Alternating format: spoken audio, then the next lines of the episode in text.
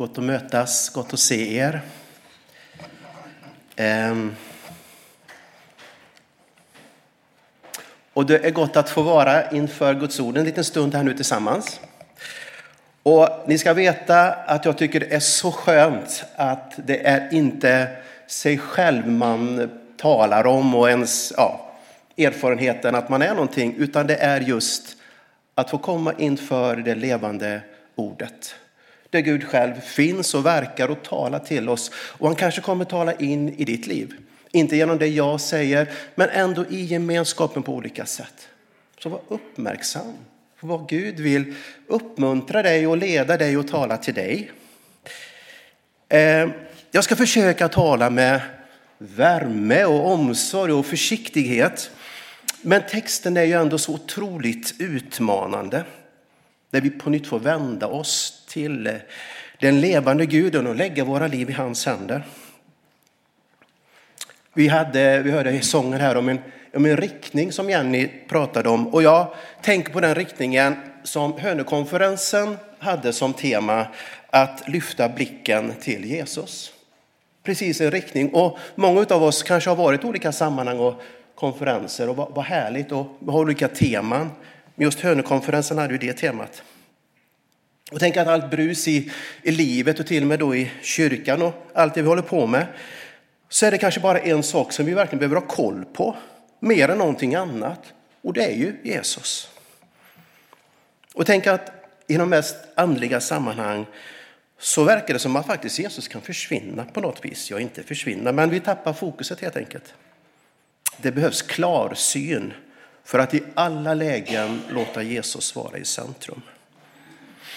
Att ha blicken på Jesus är ju då också att bygga sitt liv på honom som en klok byggmästare, som vi har hört läsas. Och nu ska jag läsa evangelietexten som är från Matteus evangeliet, kapitel 7 och vers 22. Matteus 7 och vers 22. På den dagen så skall många säga till mig, Herre, Herre, har vi inte profeterat i ditt namn och drivit ut demoner i ditt namn och gjort många underverk i ditt namn? Då ska jag säga, då ska jag säga dem som det är. Jag känner er inte, försvinn härifrån, ni ondskans hantlangare. Den som hör dessa mina ord och handlar efter dem är som en klok man som byggde sitt hus på berggrund. Regnet öste ner, floden kom. Vindarna blåste och kastade sig mot huset, men det rasade inte eftersom det var byggt på berggrund. Och den som hör dessa mina ord men inte handlar efter dem är som en dåre som byggde sitt hus på sand. Regnet öste ner, floden kom, vindarna blåste och störtade sig mot hans hus. Och det rasade, och raset blev stort. När Jesus hade avslutat detta tal var folket överväldigat av hans undervisning, för han undervisade med makt och inte som de skriftlärda. Det här är ju det sista stycket som Jesus då har i sin bergspredikan. Och vi är nu tidsmässigt kanske runt 28, något liknande, efter Kristus. Kanske i början på hans verksamhetsperiod, den stora perioden kring Genesaretsjön. Och Kafarnaum ligger i den nordvästra änden av Genesaretsjön. Och där ligger salighetens berg i traditionen utanför där. Jag har själv inte varit där, men jag läser i mina handböcker och då står det att så är det. Så där är vi någonstans geografiskt och i tiden. Och det här verkar som att det är någon form av sammanfattning av det liv som Jesus levde i tro och kärlek. Inte en sammanfattning av hans hela förkunnelse, den är mer innehållsrik. Men det Jesus levde i livets olika skeden och skiftnader. Jesus han var salig därför att han var fattig i anden. Han sörjde, han var ödmjuk, barmhärtig, renhjärtad och han var salig därför att han var en fridstiftare. Han var salt och ljus. Han skärpte lagens bud för sig själv. Han älskade sina fiender, vände den andra kinden till och gick den extra milen. Han var generös och han fastade. Han samlade skatter i himmelen. Han sökte Guds rike och levde i Faderns omsorg. Han dömde inte, han gick den smala vägen. Han byggde sitt liv på en berggrund. Att ha rätt bekännelse, rätt tro, rätt titel och funktion i kyrkan, ja till och med vara så att säga pastor, om det nu skulle vara någonting, utan att för den skull, man kan vara det utan att för den skull bygga sitt liv på Jesus, verkar det som man läser i den här texten. Det behövs tydligen klarsynthet för detta, att bygga sitt liv på en berggrund. Och vi ska inte ta det för givet. Jo, vi kan ta för givet att Jesus är grunden i våra liv. Men att sedan bygga sitt liv, som också är på apostlar och profeters grund, där Jesus är en hörnsten. Där tar Jesus exempel på en grund som är sand eller berg. Allting handlar om att vi lyssnar, men skillnaden är ju att göra, som Jesus talar om här. Och att lyssna och göra, det handlar ju om lydnad, brukar man säga då. Lydnad kan ju vara motvilligt, eller det kan vara med glädje. Det är en mer motvillig lydnad där man måste betala in skatt. Ja, men ska, vi, lagen säger att vi ska betala in skatt, ja, och så lyssnar vi på det och så gör vi det. Kanske lite motvilligt. Men om någon ber mig, om ni ber mig att Erik, kan du servera mig lite kaffe sen på fikat? Och så lyssnar jag, men så gör jag det naturligtvis med glädje. Absolut. Ska du ha mjölk också? Så att det är skillnad på att vara motvillig eller med glädje, men allting handlar ju faktiskt om att lyda. Någon ber och jag gör. Att vara i Guds barn och vila i hans hand, det kan vi alla vara trygga i. Men andlig klarsynthet innebär att bygga och forma ett liv i överlåtelse och efterföljelse, i lydnad. Att vila i Guds hand som en barn och någon form av barnslig förtröstan och enkelhet, det är viktigt. Men Paulus säger så här i Korintierbrevet att när jag var barn så talade jag som ett barn, förstod som ett barn och tänkte som ett barn. Men sedan jag blev vuxen har jag lagt från mig det barnsliga. Så att det är en skillnad på att vara barn och vara barnslig. Vi får förtrösta, men vi också växer upp till en mognad, till en klarsynthet, till lydnad och efterföljelse. Och det här är inte värderingar av hur vi lever våra liv, för det är ju väldigt olika. Vi är olika, vi tänker olika. Och det ska vara så. Men Bibeln, och det är alltså inte jag, som jag sa för början, skönt att det inte är jag som säger det här, utan så som jag uppfattar då, ni får naturligtvis tolka och pröva alltihopa det här. Men tänk att Bibeln leder oss vidare i vuxenliv och i mognad. Och det är härligt. Det är inte krav, det är inte måsten, utan erbjudande. Det är inte egen kraft och förmåga, utan det är han som är i mig och verkar i mig, lever i mig, finns i mig och verkar i sig med sitt eget liv. Och Paulus säger ju att det är tack vare den nåd som är mig given. Paulus inser ju att det här har jag inte så mycket att berömma mig av. Det är så att säga nåd. Det är inte egen förtjänst och det är också nåd att det är inte jag själv. Utan Paulus vet ju att det är Kristus i mig som verkar det här. Det är nåd. I det här så behövs det vägmärken och det behövs medvandrare. Bibeln, denna fantastiska bok, har ju tydliga vägmärken för oss som leder oss rätt. Vi sjöng Ditt ord är mina fötters lykta och en ljus på min stig. Vi har traditionen, vi har vår gemensamma kyrka och dess 2000-åriga historia som vi kan få som vägmärken och hjälp och medvandrare av oss som sitter här. Tänk vad vi behöver varandra i den här vandringen. För vi ska vara kloka byggmästare och bygga på en grund som är lagd. Nu ska jag läsa ett stycke till ur episteltexten ifrån första Korinthierbrevet. Men jag gör det ur den här boken då, The Message, som har då en, en annorlunda beskrivning.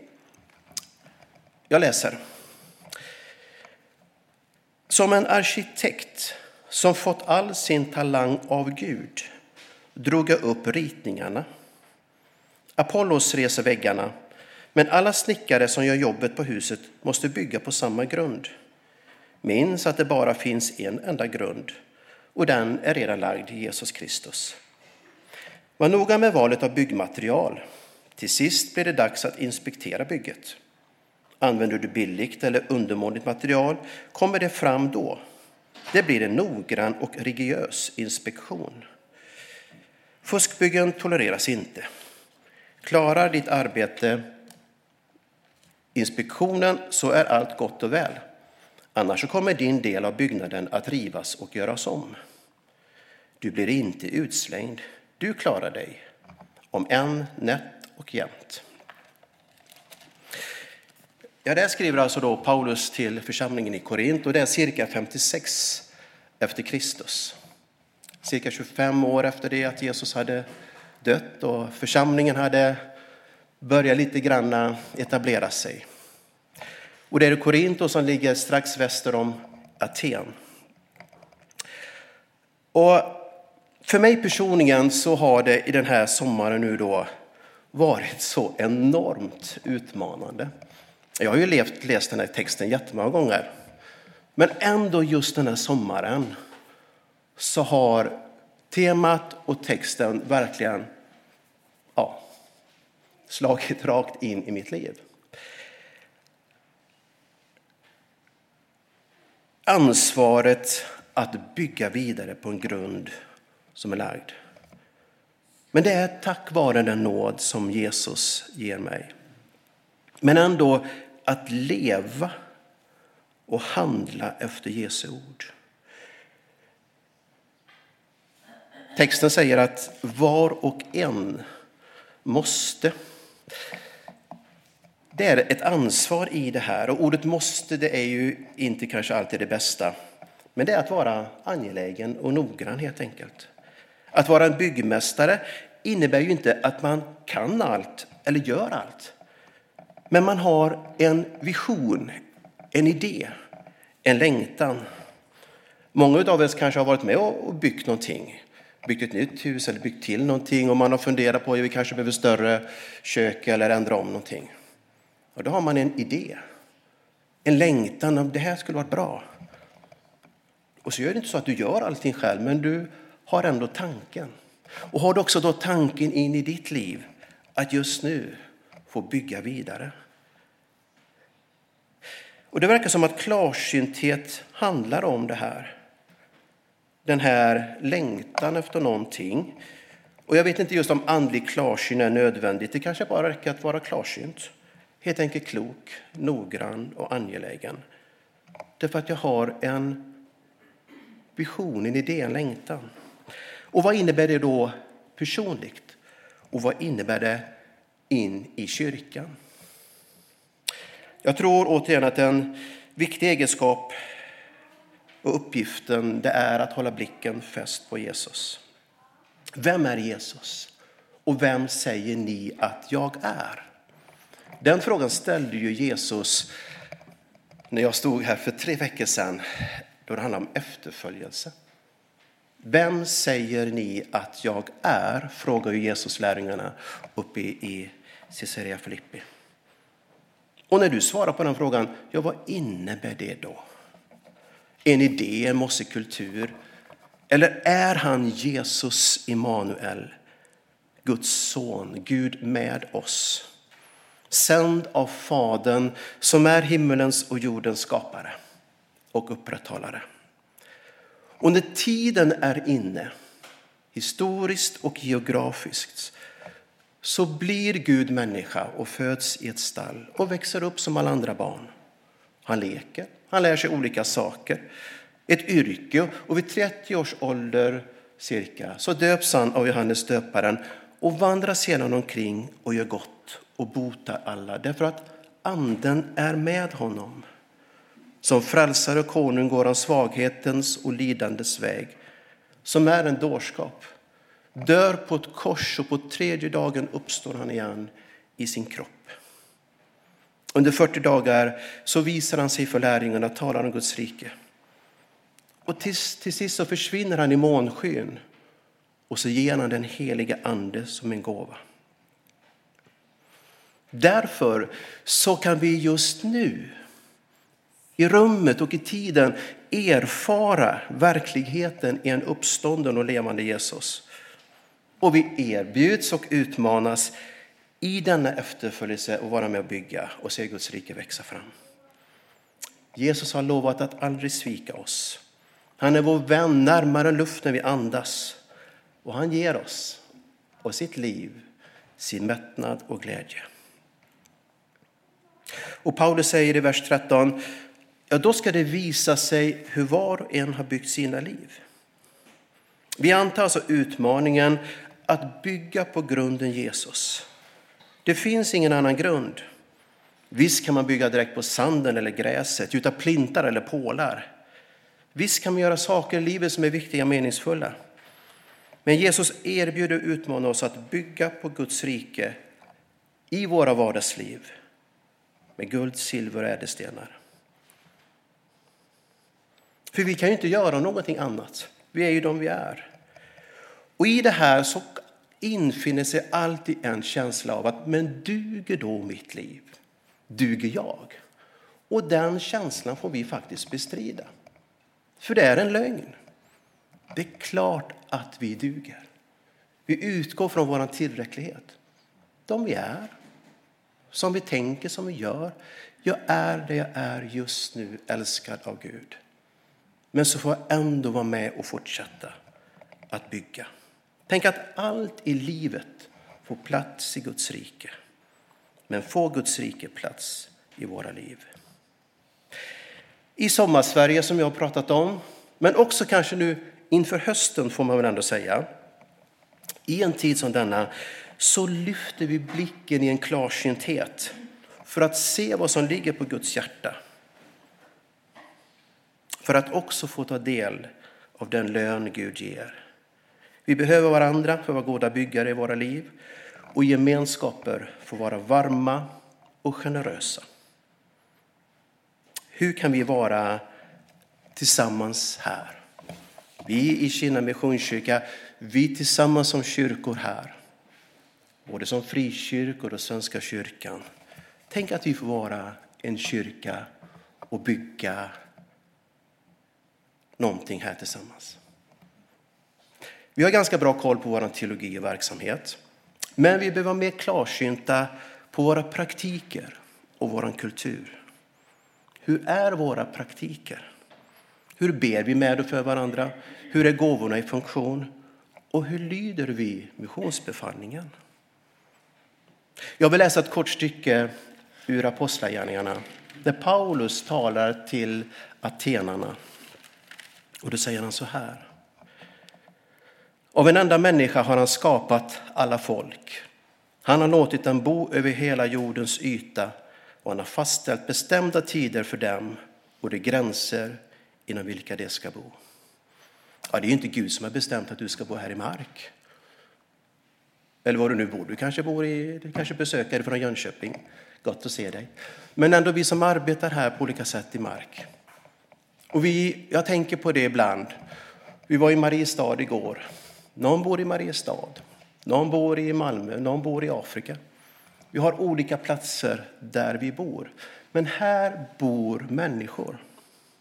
Och Paulus fortsätter. Det har han gjort för att de ska kunna söka Gud och kanske treva sig fram till honom. Han är ju inte långt borta från någon enda av oss. Och här finns människor som söker och trevar, och du och jag söker och trevar för att finna Gud. Låt oss fortsätta med den uppgiften och vara för de människor här som trevar sig fram till Gud i en kyrka med en god kultur.